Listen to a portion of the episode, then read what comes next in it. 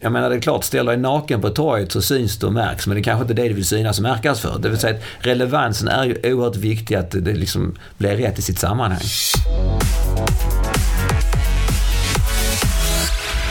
Ulf René är marknadschef på Axfood Sverige. Ni känner säkert till varumärkena Willys och Hemköp, men inte så mycket om Axfood. Axfood äger butikskedjorna och producerar mycket egna varumärkesvaror till kedjorna, så kallade EMV-produkter. Men till skillnad från ICA och Coop som har sina egna namngivna masterbrands så har Axfood Sverige valt att sälja sina egna varumärkesvaror under andra namn. Varför gör de det? Vilken effekt har den haft? Hur har de marknadsfört produkterna? Ulf René avslöjar allt nu på Contentpodden.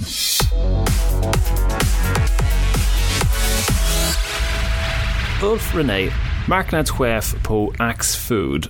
Ja, ah, just det, just det. Ulf René, marknadschef på Axfood Sverige. Var handlar du din mat först och främst? Ja, eftersom jag lever ett pendlande liv eh, så blir det när jag är i Stockholm, eh, då blir det antingen på Hemköp i Torsplan, vid huvudkontor, eller så blir det vid Willys i Fridhemsplan. Ja, det var ett väldigt fint svar, eller hur? Du hade ja. bägge två där inne. Jag försökte hitta ett sätt att uh, konkur konkurrera de två med. Men det är faktiskt sant. Uh, dessutom så, uh, när jag är hemma i Skåne så handlar jag antingen på Willys vid Emporia. Uh, det är framförallt. Men där kan jag måste erkänna att det är en väldigt bra delikatessavdelning även på den ICA som ligger på samma ställe. Så att ibland får jag göra en liten uh, styggelse och gå in och handla där för det är en väldigt bra butik det också. Okej, okay, men det känns det lite sort of, uh, svårt eller tufft i hjärtat att gå in i, i en Nej, men det, det måste ju konkurrensbevaka så att det faller sig naturligt. Då kan man göra lite inköp samtidigt. Berätta lite nu om Axfood, därför det är ju hyfsat komplicerat sorts, eller Axfood Sverige, komplicerat sorts organisation. Ja, Axfood är ju lite annorlunda om du jämför med de stora aktörerna på den svenska marknaden, Coop och ICA. Eh, så har de ju ett varumärke och drivs av ett masterbrand. Eh, vi arbetar ju båda med, både med lågprisvilja, alltså en lågpriskedja Willys, som vi kallar soft discount. Och sen har vi då supermarket i Hemköp. Eh, och sen har vi en del franchisekoncept i form av Tempo och handlaren. Så det gör vi ett antal olika varumärken och, och, det gör ju också att då måste vi ju se till att de produkter som vi själv står för, att de kan funka i alla butiker. Så det innebär ju att vi har inget masterbrand vad det gäller vår egen varumärkesportfölj utan vi har individuella varumärken som vi då säljer, typ Garant, Eldorado, Premiär, eh, Fix. Och de här är egna varumärken men de anses inte som egna varumärken av konsumenterna? Nej, det vet vi att eh, konsumenten ser ju inte till exempel Garant, eh, identifierar inte det med Willys eller med, med Axfood. Eh, det är en rätt liten andel av konsumenten utan de ser ju det som vilket annat varumärke som helst. Så att om du köper, ska köpa pasta och du tittar på hyllan och så ser du då Barilla till exempel och du ser Garant.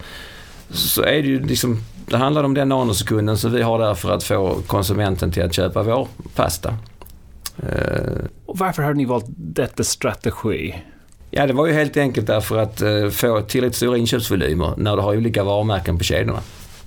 Så det vill säga, du kunde inte ha en Willys eget varumärke och en Hemköp eget varumärke? Var, Nej, det, du kan göra det på vissa sortiment men de, du kan inte göra det på så stora sortiment som vi vill ha. Och hur har, mean, hur har, ni, har ni lyckats? Hur har, ni, hur har det fungerat med, med de sorts varumärken? Ja, vi har ju sen, vi, du kan säga att vi hade ju Eldorado sen tidigare och vi hade även en del, alltså du kan säga att det stora steget vi tog det var när vi 2009 bestämde att vi skulle konvertera Willys och Hemköps varumärken till Garant. Eh, och, och, det var ju ett stort beslut. Jag tror att det var ett större beslut än vad man förstår idag när man ser framgången. Eh, och det var väldigt modigt gjort. Men det har ju också lett till att vi har ökat vår andel av vår egen varumärkesportfölj i försäljningen. Det, det, var rätt beslut menar du? Ja, det var absolut rätt beslut. Vi kan också följa statistiken hur Garant påverkade andelen positivt från 2009 och fram till nu. Så 2009 hade man Willys hade sitt eget, uh, sina egna varumärken, ja. Hemköp hade sina egna ja. och ni tog bort dem. Så det var like en igenkänningsfaktor som försvann ja. och så kom in de här två nya. Tog det tid för den att, att fungera? Det gick förvånansvärt fort. Eh, det, det, det, var ju en av de stora frågorna som vi ställde oss själva. Eh, men, men det gick förvånansvärt fort och vi har fått eh, successivt en större och större acceptans naturligtvis. För det tar ju en tid att bygga ett varumärke men, men vi kan väl konstatera att det har varit väldigt framgångsrikt. När det gäller just sort of Garant och Eldorado som är de stora egna varumärken kan man säga inom din sort of portfölj. Och, och, även om folk inte anser, de, de anser inte att de här är egna varumärken, men samtidigt tar de upp ännu mer plats eller konkurrerar de på samma sätt som på IK och Coop och, och sina egna varumärken? Jag skulle påstå att de nog har tuffare konkurrens än, än vad du har kanske på, på den typen av kedjor som har ett masterbrand eftersom både Willys och Hemköp och de andra kedjorna de är väldigt noga med att att de produkter som de tar in verkligen säljer. Och, och eftersom det inte är någon direkt koppling då till Willys i sortimentet så är det en garantprodukt som inte de anser är tillräckligt bra så, så kommer ju inte den in. Utan det gäller för oss att, sen är det klart att där finns ju någon form av paraply. Att vi, vi, vi ser ju ändå att eh, det är en fördel för oss att, eh, annars har vi inte gjort det, att, att sälja det sortiment som vi själva står bakom. Eh, men det skulle nog förvåna många att vi faktiskt får, får jobba väldigt hårt i vissa lägen för att eh, få in sortiment. Men beskriv den då. Så det, men det vill säga, ni konkurrerar i princip som med alla andra varumärken, trots att det är ju egna varumärken. Ja, du kan säga det, det är klart att vi har en liten fördel. Det ska jag inte på något sätt förneka. Men, men eh, våra kedjor ställer väldigt stora krav mot oss som de gör mot alla andra. Eh, och det gäller ju för oss att leva upp till dem också. Är det vissa varumärken som säljer bättre eh, än andra eller hur, hur ser den, den, den sorts uppdelningen ut mellan ja, de olika Ja, det är ju så att naturligtvis är ju Garant och Eldorado de stora eh, varumärkena och det är ju merparten. Men sen har vi då utvecklat ett dryckesvarumärke som heter Premiär eh, som idag har en ganska stor omfattning. Eh, vi har på non-food-sidan Fixa eh, där vi då också inkluderar eh, tvätt och eh, städ. Så, att, eh, så det blir rätt stora, alltså jämfört med många andra varumärken är det ju stora varumärken. Men det är alldeles uppenbart att eh, det är ju Eldorado och Garant som är de stora. Kan man jämföra Axfood Sveriges egna varumärken med Icas och Coops med tanke på att ni marknadsför det på ett helt annorlunda sätt? Det vill säga att de, de anses inte, de, de, de ser... Ja. Alltså du kan väl säga att, jag menar det är klart att sortimentet i sig, där finns ju säkert många likheter. Men, men det är ju en annan väg som vi har valt. Att ta fram egna varumärken som, som inte är direkt kopplade till någon av kedjorna. Eh, på så sätt så arbetar vi precis som vilket annat varumärke som helst. Eh, där, vi så att säga, får se till att vi har en, en kunskap om eh, det vi tar fram men också att vi bygger varumärkestänk som vem som helst. Det vill säga att eh, när vi bygger ett Garant så utgör gör det utifrån att vi har en varumärkesplattform och en kommunikationsstrategi för hur vi ska göra det. När det gäller just egna varumärken, Sverige är ganska lågt från en europeisk perspektiv. Det är ungefär 25 procent av, sort of, eh, jag tror det är samma hos er på, på, på Hemköp och, och på Willys trenden i resten av Europa är att det är typ istället för 25 procent snarare 35 procent och det kommer nog att växa ytterligare. Men hur ser, det, hur ser du på den? Eh, det är väl sannolikt så att eh, den här företeelsen kommer att öka. Eh, det, det, finns, det finns nog många skäl till det. Sen är det ju också så att där, finns ju många konsumenter som blir kritiska när de tycker det, det blir för enahanda.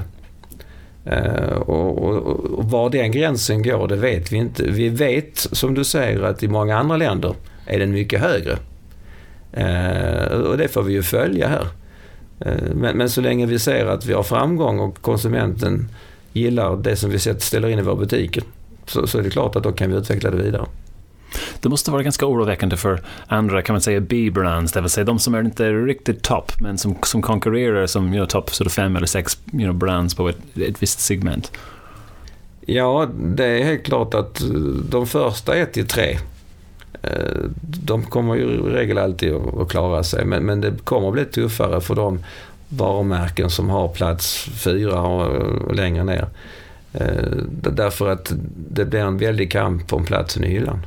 Eh, så, så det, det är väl sannolikt att den utvecklingen Eh, kan vi se fram emot.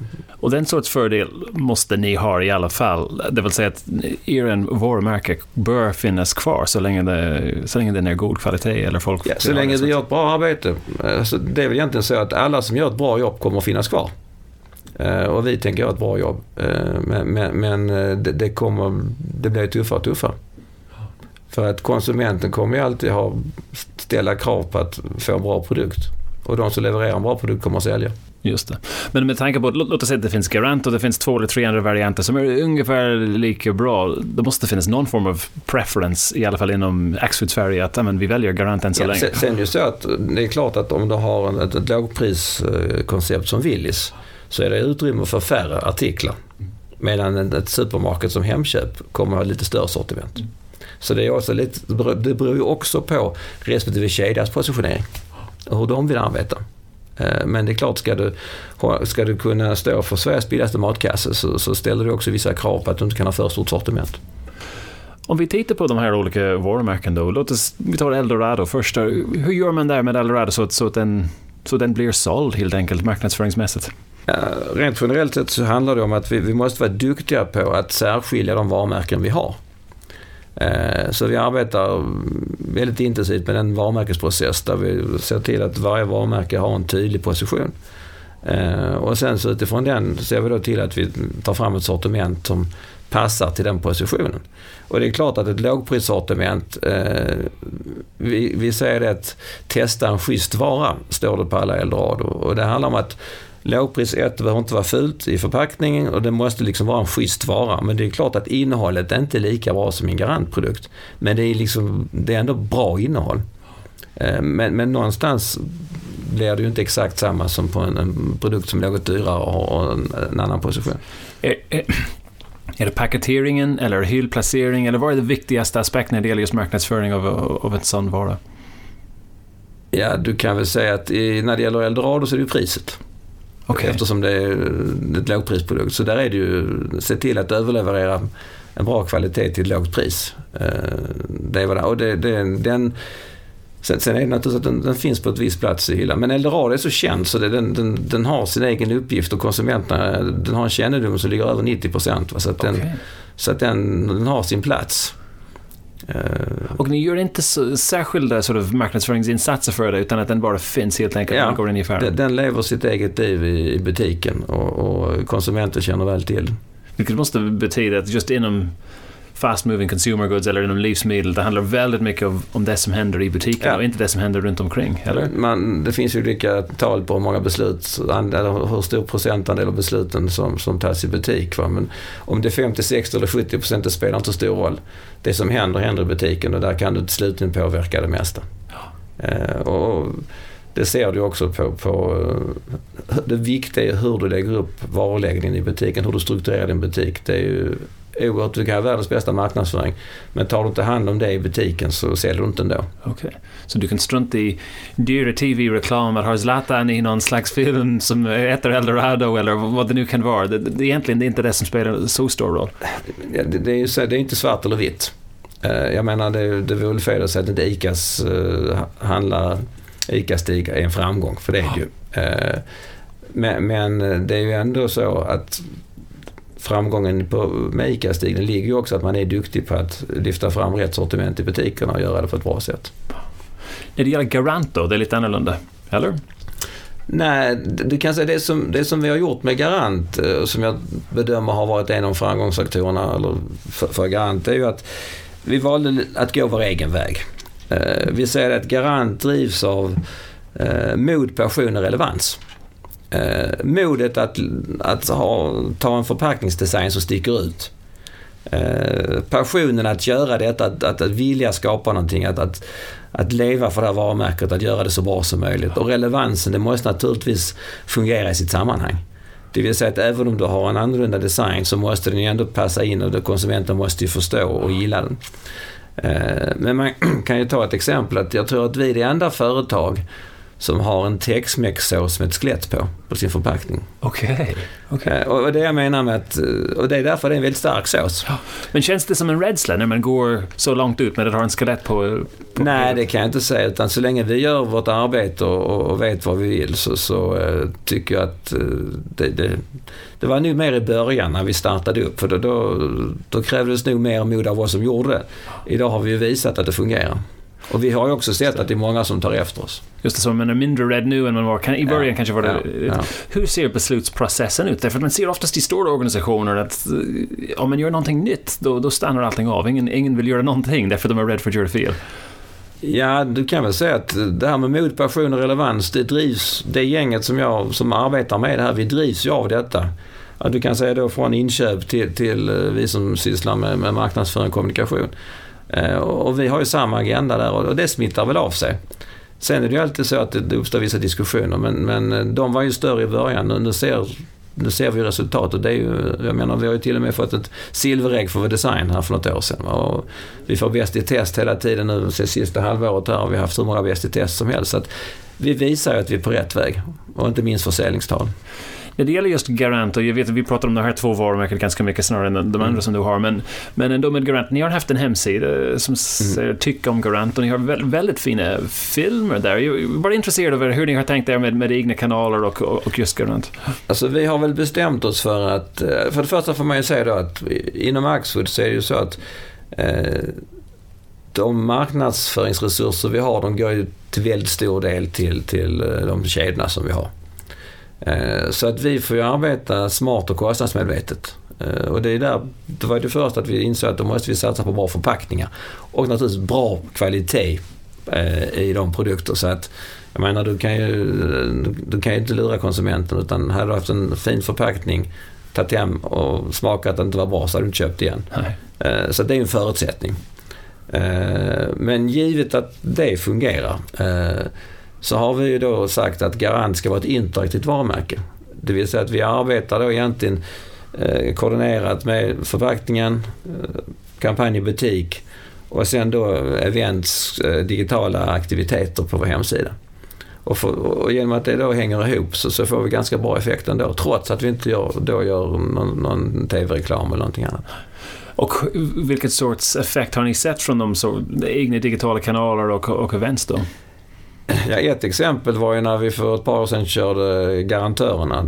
Vi bestämde oss för att vi ville eh, bjuda in våra fans till att vara med och påverka. Så att eh, vi gick ut på vår hemsida så att vi sökte 10 stycken garantörer som under 12 veckor skulle testa våra produkter och då återkom med synpunkter på, på vår eh, Facebook-sida. Eh, vi fick 11 000 sökande. Det var väl Sveriges mest sökta jobb det året. Uh, och sen genomförde vi det och, och på så sätt skapade vi en interaktivitet. Både med de som naturligtvis var med men även de alla andra som var inne och följde detta på vår hemsida. Och, och det visade sig ha varit väldigt framgångsrikt. Hur snabb period, tidsperiod var det när ni gick upp från... Ja, det var vi...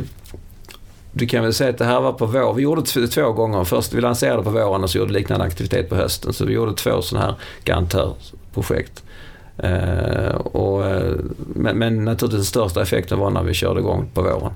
Och då hade vi, jag tror andra gången hade vi väl 5000 ansökningar. Och när ni följde dem, var det lite film där också eller var det screen Nej, det var väl, vi, vi följde dem mer med, med, med foto, med återkoppling från eh, en relation med de här ambassadörerna. Och det var ju då en, en spegel av svenska folket. Så att det var ju allt från studenter till äldre människor, pensionärer till familjer och ja, allt. Du kunde, så vi gjorde ett urval där. Uh, och vi fick, uh, jag fick otroligt mycket återkoppling och bra återkoppling också som vi sedan har använt oss i olika sammanhang. Bra. Nu, om vi tänker på att så många beslut tas i butiken. Eh, jag backar tillbaka, vi är en content-byrå så vi tycker självklart att jobba med egen media är ju en väldigt smart sätt att mm. gå. Men när du säger att det är kanske 60 eller 70 procent tar sitt beslut bara i butiken. Frågan är, hur viktigt är det? Hur viktigt är att ha egna kanaler för, för det? Får man ju ändå, det som har hänt de sista tio åren det är ju att många beslut tas ju också när du går igenom sortiment eller tittar på olika typer av inköp på, på, på nätet på, på olika hemsidor. Så att konsumenten idag är ju mer påläst än någonsin tidigare.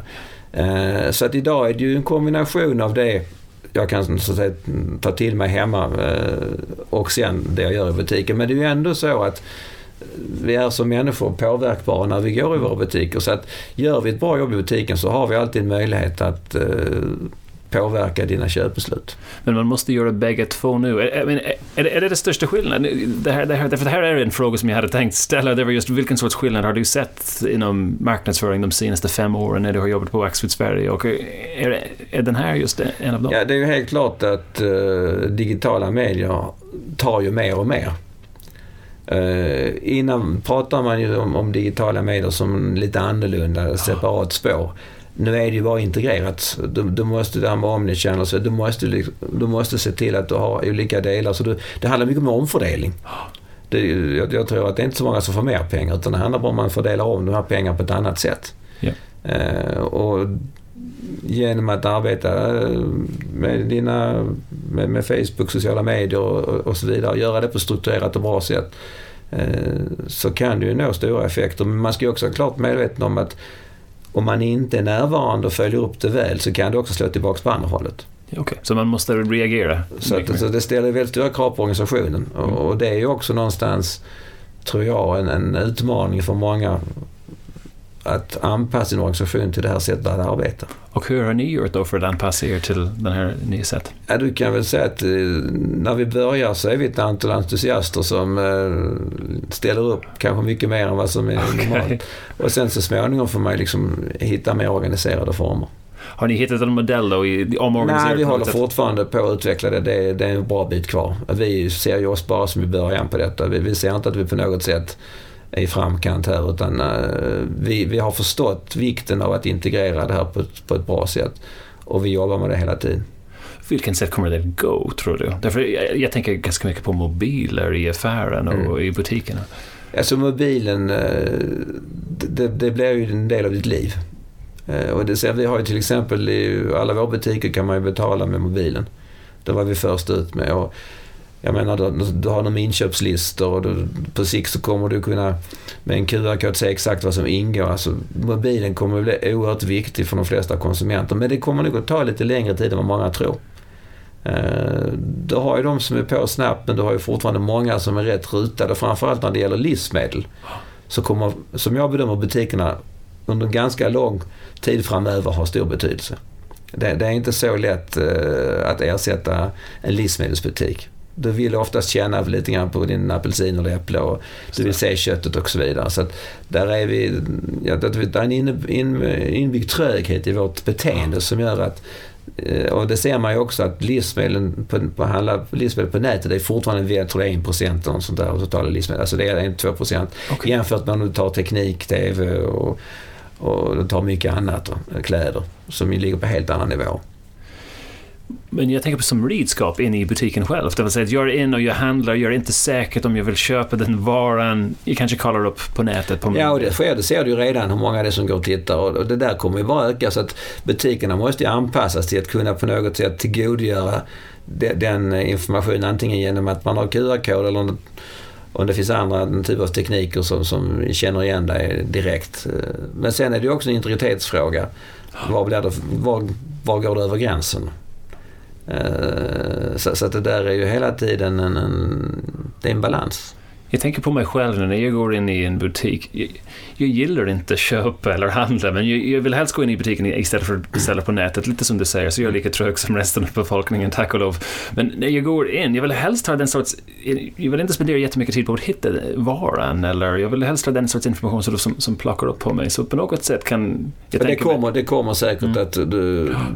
Alltså du kommer någonstans via GPS eller annat kunna ledas runt på, på något sätt relaterat till om du har en inköpslista. Där du har, Alltså, det, det kanske inte finns nu men det där kommer ju utvecklas eh, på olika sätt. Så att integrationen mellan även den fysiska butiken och det digitala kommer ju, kommer ju mer och mer. Och det, det, det är väl vår bedömning att det är inte varken eller, det är både och. Därför du är inte, du är inte enda enbart digital eller analog utan det är en kombination. Men vår bedömning är ändå att eh, vad det gäller att handla i butik så, så ser vi att när det gäller livsmedel eh, så, så, så, är fortfarande butiken väldigt viktig. Och då är det, då är det väl typ hyllplaceringar och att det, det finns rätt sorts ja. kampanjmaterial ja. som finns där i, i butiken. Mm. Som, som blir nummer ett när det gäller ja. just marknadsföring. Men, men eh, helt klart är att konsumenten vill informera sig. Så det handlar om också om att vi, vi får hitta sätt att kunna informera konsumenten om produktens innehåll, var den kommer ifrån och ja, på, på olika sätt. Det, det, tror jag bara kommer att öka. Just det. Och ni har den här fin hemsidan för Garant som ni nämnde, men ni har ingenting för Eldorado eller för de andra, eller har ni? Nej, i dagsläget så har vi satsat uh, på Garant. Uh, och det får vi se om vi, om vi utvecklar det vidare framöver. Men just nu är det fokus Garant, för det är ju ändå det varumärket som uh, som, som vi då kan, är så att säga jämförbart med många andra starka varumärken Ja. så vi vill ur kvalitets och innehållsperspektiv och, hållbarhetsperspektiv pusha för. Just det. Och vilka sorts trender ser ni inom sort of livsmedelsbutiker? Är det, är det någon ny trend som finns just nu som man känner att men där finns det, det finns en, en glapp i marknaden eller vi kunde utnyttja den här ytan bättre? Ja, det, det som, ju, som är ett faktum nu som vi ser det är ju att, eh, och det ser man bara det sista, sista året, så har andelen ekologiskt ökat generellt sett. Alltså konsumenterna är ju eh, benägna att eh, köpa mer med ekologiskt. Eh, Sen, är väl, ser vi väl också att hållbarhetsaspekten Mm. ökar hela tiden. Ja. Eh, Att, att du, vill, du vill förstå var produkterna kommer ifrån och att det där finns en bra story bakom produkterna du köper. Alltså, så- som, som vi ser det så är det ju det hållbara, hållbart samhälle eller hållbart mat, det kan ju alla bidra till på olika sätt. Det är från att vi minskar matsvinnet till, till att vi eh, minskar om det är ja, djurhållningen. Alltså det finns så otroligt många och där kan alla göra lite. Eh, ekologiskt eh, är just nu och det ökar. Men, men det är ju också så att eh, det kräver vissa förutsättningar och det är inte alltid så lätt att eh, eh, hitta odlings, till stora odlingsarealer eller vad det nu handlar om. Så att, men, men det här med hållbart, det, det är vi helt övertygade om. Det kommer att öka hela tiden därför att vi blir mer och mer medvetna. Hur gör ni, eller hur, hur, hur gör Axfood Sverige när det gäller hållbarhet? Ja, om du går in på... Alltså Axfood, Axfood AB har ju väldigt tydliga policies kring ett antal olika frågor och hållbarhet är en av dem. Eh, och de följer vi oavsett vilka varumärken eller vilket företag som ingår i koncernen så följer vi dem. Och ska jag ta ett exempel så när det gäller rödlistad fisk så var vi först ut för många år sedan att inte sälja det i våra butiker, långt innan någon annan. Och det var just därför att vi har ett, en, en, en grundpolicy att vi, vi ska jobba hållbart. Och det utvecklar vi hela tiden.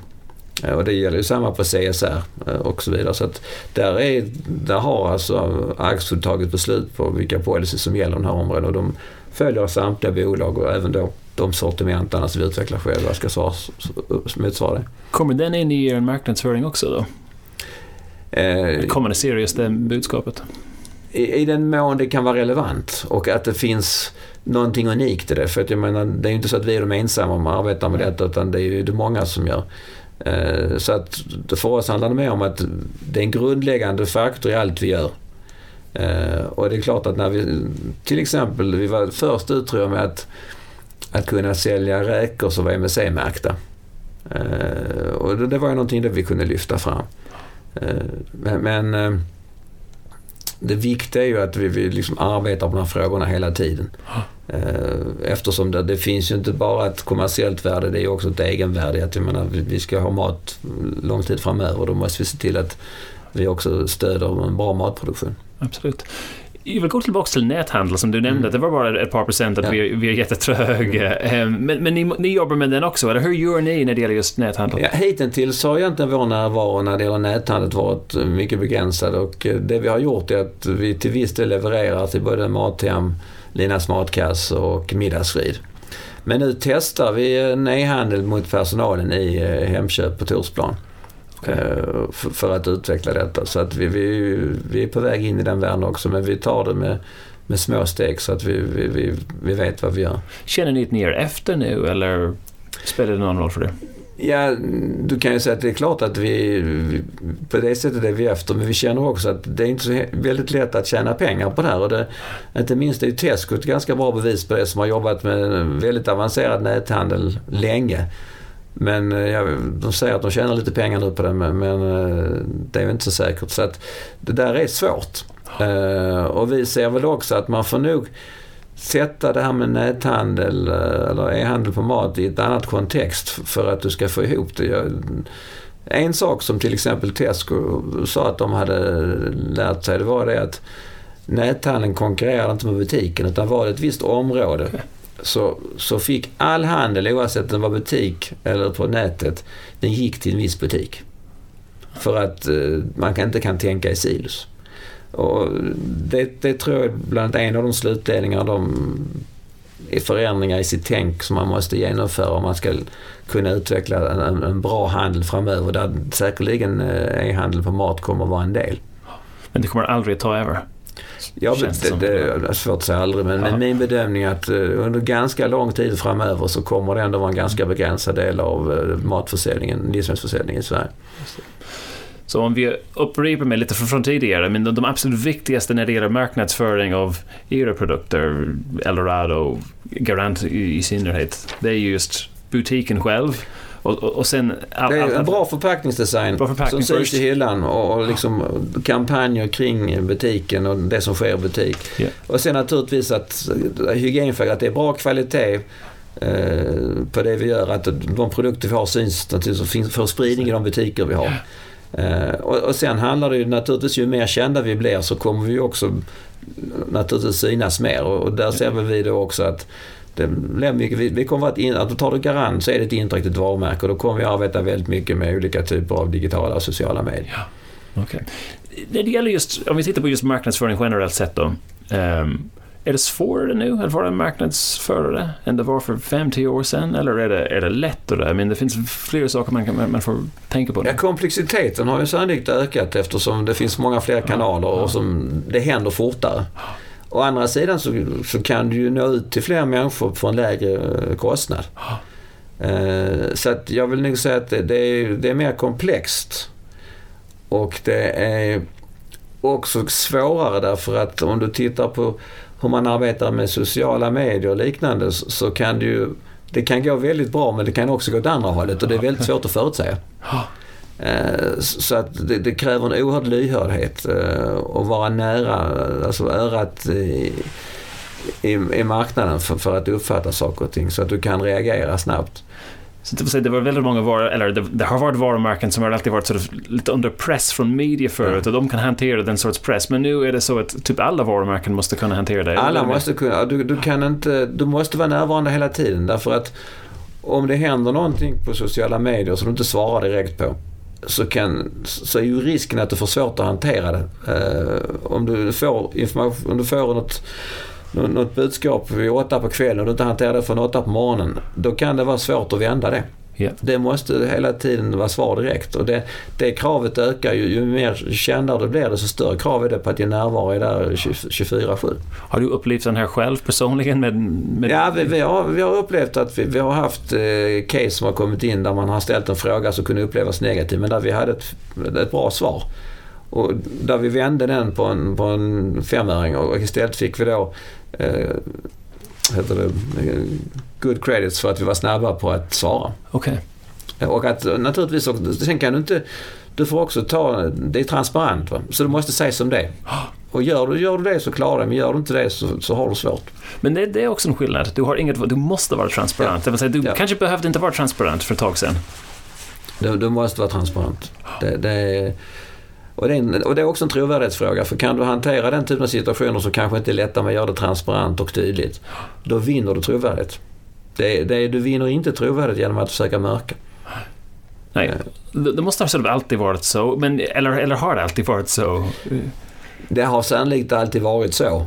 Eh, men, men eftersom inte konsumenten tidigare upptäckte när du körde under täcket, men det gör konsumenten nu. Och du kan ta köttskandalen.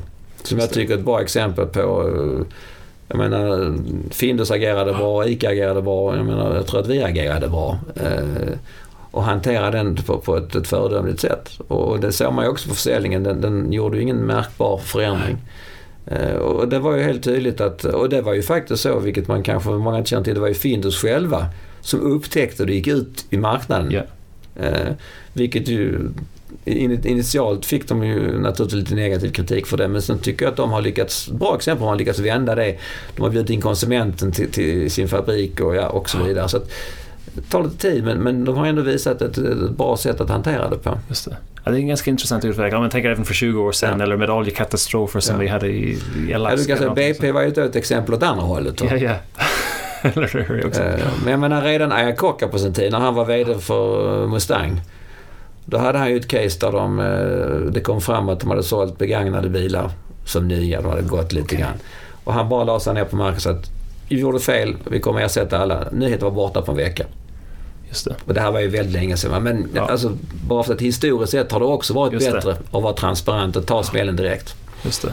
Ja, det är ingen idé att ljuga egentligen. Ehm, Men om vi tittar på just sort of, okej, din karriär, du har nämnt du, just nämnt köttskandalen eller att man måste reagera fort. Har du något, något exempel av den slags av en kommunikation som full träff där du har verkligen lyckats riktigt bra som du anser de, de senaste åren? Ja, jag har varit med på den. Jag var ju på IKEA länge och, och där lanserade vi det goda kontoret. Eh, vi jobbade igenom, det var också ett, ett koncernövergripande projekt. Och det, det man kan säga, det, det var väl eh, dåtidens integrerade lösning. För vi började med en aktivitet eh, där vi då hade en undersökning som vi gick ut och bjöd in ett antal då, eh, journalister och andra där vi liksom gick igenom varför 50% av de som arbetar på kontor inte trivs. Det här var i Tyskland. Okej. Eh, och då hade vi det på olika ställen och fick då naturligtvis en massa media kring det. Och sen startade vi en, en kampanj med, jag kommer inte exakt ihåg vad vi skrev, men det var i princip alltså förbundet som vill ha, som vill ha bort tråkiga kontor. Och så, så i princip ta bort liksom, den taskiga känslan på kontoret. Så gick vi ut med det över hela Tyskland. Och, och när man då liksom fick man ett telefonnummer eller, en- och då ringde man det så kunde man beställa en IKEA-katalog. Okej. Eh, och sen så byggde vi på det. Eh, och det blev en... Eh, på den tiden var det ett rätt nytt sätt att arbeta. Så det blev en rätt stor... Det var många universitet och andra som ville... Och det blev framgång också i det vi gjorde försäljningsmässigt. Men väldigt interaktivt också då. Ja, det vill säga, det är en ja, direct ja, call to action. ja. You det- ringer, det- you får... Ja, då fanns det ju inte det här digitala, men, Nej. men det var en analo- analogt sätt att arbeta. Det, det var oerhört spännande. Sen, sen tycker jag också att hela det arbete vi har gjort med, med garant, de här garantörerna har ju också varit, eh, tycker jag, väldigt inspirerande. Alltså att få 11 000 personer att vara ja, vi, intresserade. vi har också sett hur vi har byggt. Vi ser ju varje år när vi mäter eh, kännedom och inställning till både Garant och Eldorado hur liksom det utvecklas. Och det, det har ju varit klart positivt. Just det, nu är det två frågor. En, en om Ikea och en om, Ja. om, om Garant. Men, men det- med Ikea, var det i 90-talet med Tyskland eller hur? Ja, det, var, eh, det här var under 90, slutet av 90-talet. Okej. Eh, Så internet var väldigt ny då i så fall? Folk var inte digitalt alls Nej. eller det var inte så mycket e-mail Nej. då? Nej, okej. utan det, det fanns de här uh, motsvarande mailsystemen, men that's it. Just det. Var det bättre då eller? Som du, du har nämnt, det är mer komplext nu men på ett sätt eh, krävs det mer kreativitet nu eller krävdes det mer då? Eller, ja. Ja, det krävs högre tempo. Jag tror att eh, det, nej, men det fanns mycket kreativitet eh, tidigare också. Jag menar, Vi kan ju titta på skrytbilen och det, Just det. som- alltså, så vi hade. Men, men, men eh, det är högre tempo och det är kortare tid. Om du gör någonting som är lite unikt så är det väldigt temporary monopoly. Det är väldigt kort tid. eh, Som, som du kan, eh, så du måste hela tiden ha en hög takt i din utveckling och, och ditt tänk. Du måste hela tiden förändra det på något sätt. Inte på allt, men på de delar som någonstans blir viktiga för ditt varumärke. Ja, okej. När det gäller just den här Garant-kampanjen och Garantörers eh, kamp, kamp, kampanj. Ni, vilken sorts sort of marknadsföring gjorde ni för att få in alla de här 11 000? Eller var det bara på... Det var helt enkelt eh, hemsidan. Okej. Mm. Ni Så skriver på hemsidan att ni vill ha ja, det fick en sån otrolig spridningseffekt. Okej, det är ingen vår Facebook, pressrelease? Facebook, nej. Nej. Okej. Wow. Så att det, det, det, har, det visar liksom vilken kraft det ligger i det. Hur mäter ni just effekten? Eller gör ni många mätningar nu på, på Garant och Eldorado? Eller hur? Ja, vi gör naturligtvis varumärkesmätningar och sen så har ju, hel- har ju Axel som företag också en, en, en avdelning som sysslar med den här typen av research. Så att vi har ju rätt mycket information eh, kring men, men, men eh, så att det är ju någon form av ett paket som vi någonstans tar ut det som vi då eh, tycker är viktigt för oss. Ja, okej. Och vad, vad får ni för re- Vad vet vi om, om Eldorado och vad vet vi från Garant baserat på... Nej, men vi, vi vet ju att eh, Eldorado är ju ett, alltså det, du kan säga Eldorado äger lågpris. Eh, har en väldigt hög kännedom. Eh, måste arbeta lite grann på sitt rykte.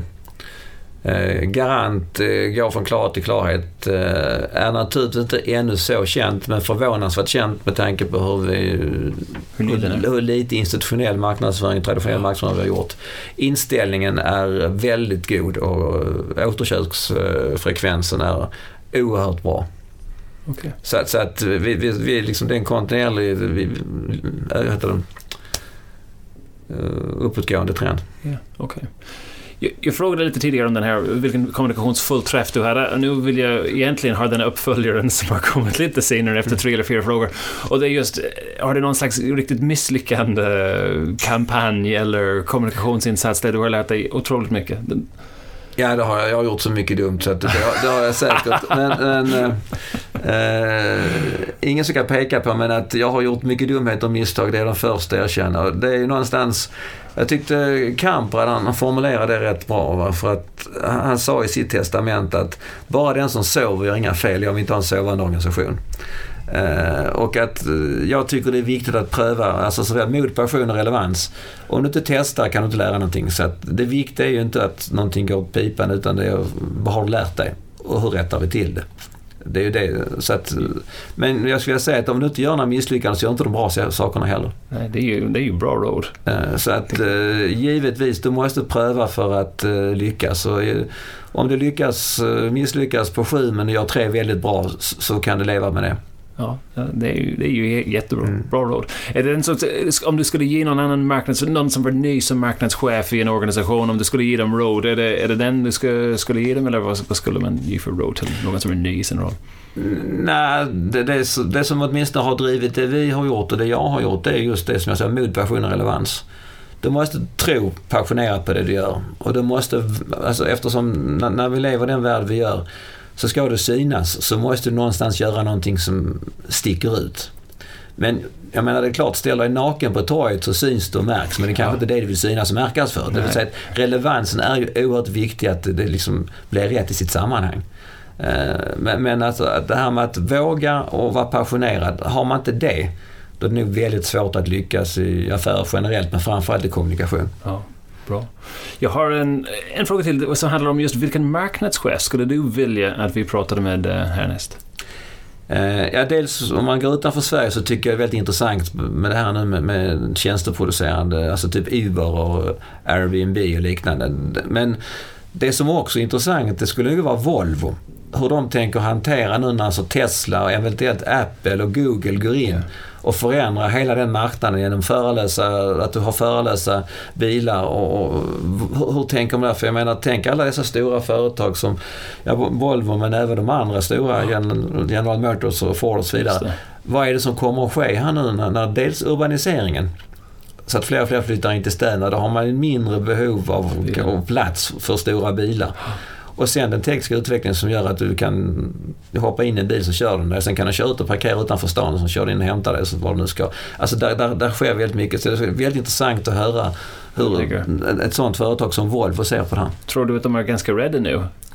Jag tror att de är så väl medvetna om detta så de har säkerligen eh, tänkt till. Men det är ju klart att, jag menar, Tesla där du beställer bilen på nätet, trycker in ditt kort så kommer den hemlevererad. Ta bort hela återförsäljdardelen.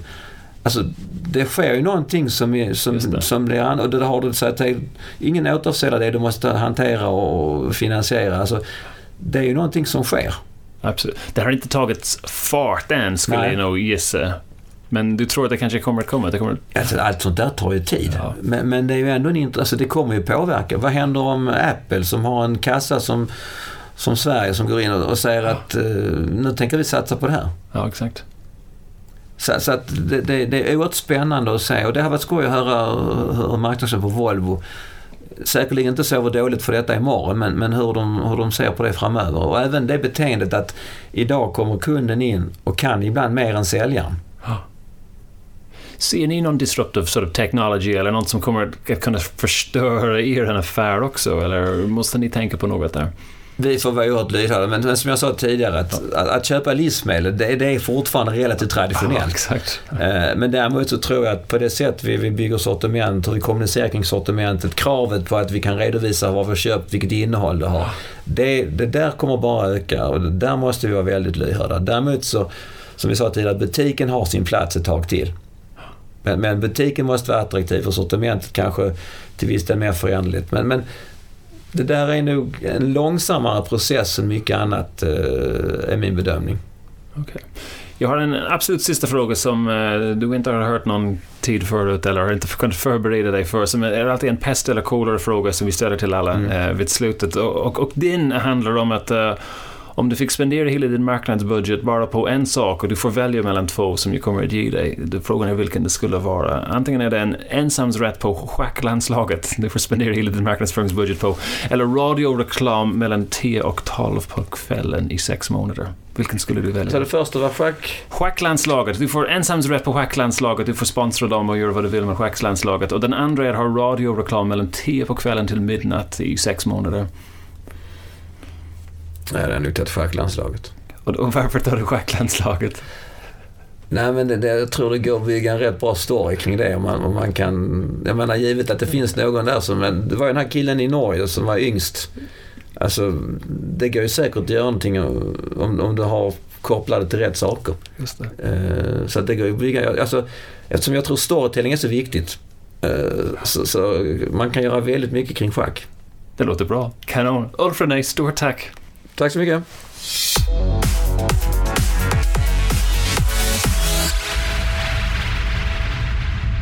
Contentpodden kommer från contentbyrån Breed. Mitt namn är Colin O'Callaghan och du hittar oss på LinkedIn, Twitter och breedcontent.se. Gå gärna in till iTunes och ratea oss där också. Vi lyssnar gärna på er feedback.